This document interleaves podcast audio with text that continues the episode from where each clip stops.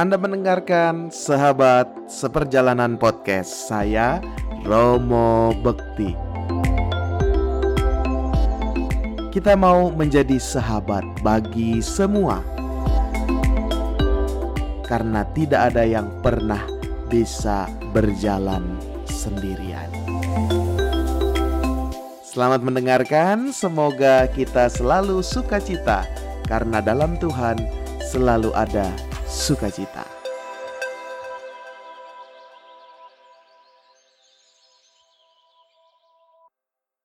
Halo, ketemu lagi bersama saya Romo Bekti di konsultasi iman dari majalah Hidup. Ada pertanyaan, apakah Tuhan mengizinkan kejahatan?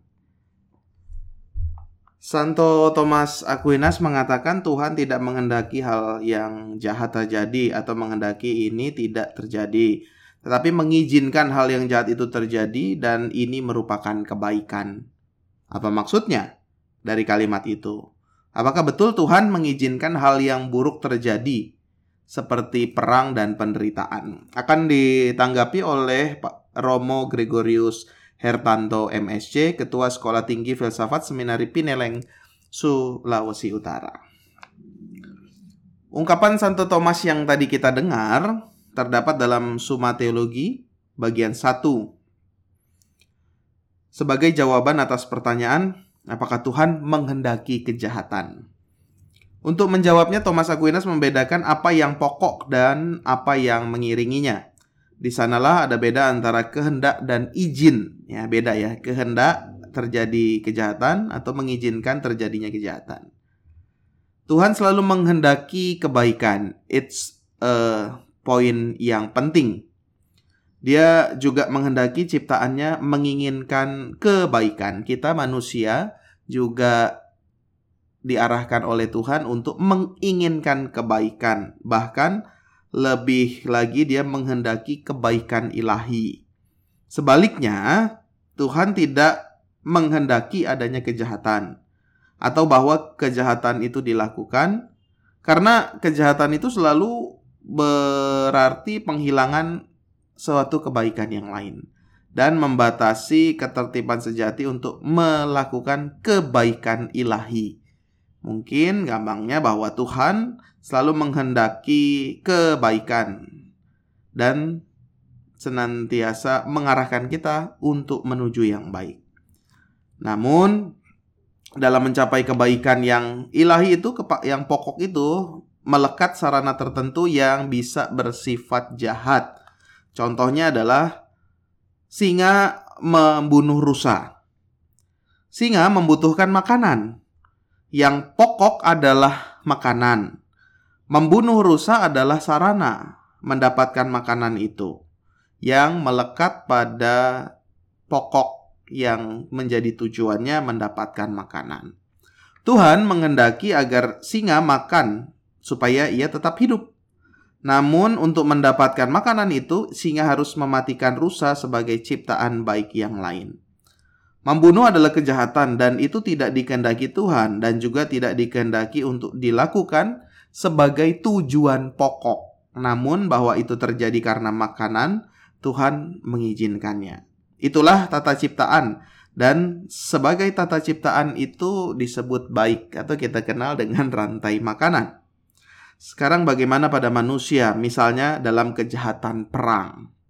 Pada manusia ada tata lain yaitu akal budi dan kehendak bebas. Lebih dari singa dan rusa tadi pasti, karena manusia punya akal budi dan kehendak bebas. Manusia juga menghadapi kebaikan pokok dan jalan untuk mencapainya. Berkat penciptaan Tuhan, manusia selalu menginginkan kebaikan. Apa? Keamanan, kemakmuran, kejayaan, kesenangan, kebahagiaan, dan sebagainya. Tetapi ketika menentukan jalan untuk mencapainya, manusia berhadapan dengan pilihan. Di, maka dalam menentukan pilihan itu diperlukan peran akal budi dan kehendak bebas. Misalkan seorang presiden mau mempertahankan keamanan negara atau menghentikan penindasan suatu bangsa. Ini kehendak yang baik. Namun melawan kehendak Tuhanlah bila ia memilih senjata menghancurkan rumah-rumah, membunuhi tentara-tentara dan rakyat, Padahal ada jalan lain seperti diplomasi dan dialog. Jadi pokoknya adalah menghentikan penindasan suatu bangsa atau menjaga keamanan negara. Tetapi sebagai manusia kita bisa memilih kita menggunakan senjata atau menggunakan dialog. Pertanyaannya apakah keamanan itu dikehendaki Tuhan? Pasti. Tetapi apakah Tuhan mengendaki atau setidaknya mengizinkan perang? Dua-duanya juga tidak. Sebab dalam hal ini masih terdapat banyak pilihan lain. Nah, ini unggulnya manusia. Ada pilihan lain berdasarkan kehendak bebasnya. Lalu kapan Tuhan dalam tanda kutip mengizinkan kejahatan terjadi? Izin Tuhan terhadap kejahatan terjadi dalam tata ciptaan alami. Hanya sejauh keburukan itu merupakan sarana kebaikan yang lebih tinggi dan di mana tiada pilihan lain atau di mana kekurangan kehendak bebas. Contoh, seorang ibu melihat anaknya kelaparan dan tiada cara lain selain mengambil pisang tetangganya, maka kejahatan ibu ini karena membela kehidupan anaknya dapatlah dimaklumi. Lain halnya bila tidak bila ada pilihan, misalkan membeli, meminjam atau meminta. Contoh lain, seorang dokter terpaksa menggugurkan bayi untuk menyelamatkan nyawa seorang ibu yang terancam. Yang pokoknya adalah nyawa ibu yang terancam. Tidak ada pilihan lain. Tuhan selalu menghendaki yang baik. Dari manusia dituntut sebuah pilihan yang berdasarkan pada tindakan moral yang merupakan kerjasama jujur dengan Tuhan demi kebaikan ilahi. Jadi dilihat ada pokoknya apa. Ya. Lalu sarananya apa? Sarananya itu kalau sudah mentok ya diizinkan. Tetapi kalau masih ada pilihan lain itu dikehendaki sama Tuhan, disarankan sama Tuhan untuk memilih ke pilihan yang lain. Lalu masih ada pertanyaan, misalkan bayi yang menjadi korban derang atau bencana tetaplah hal buruk. Bagaimana nasib mereka?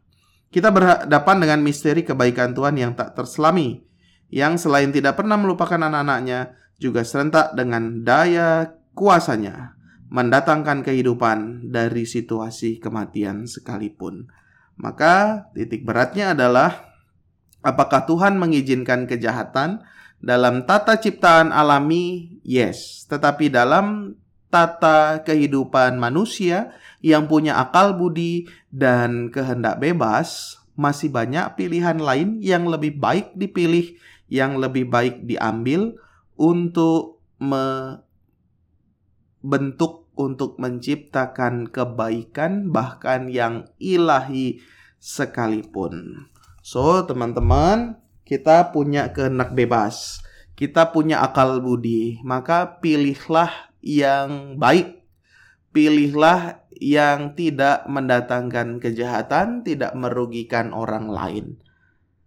Dan itu membawa kita senantiasa untuk merasakan berkat Tuhan yang selalu hadir dalam hidup kita.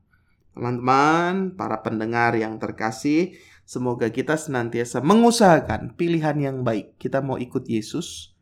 Yesus senantiasa memilih yang baik pun dengan tujuan yang baik.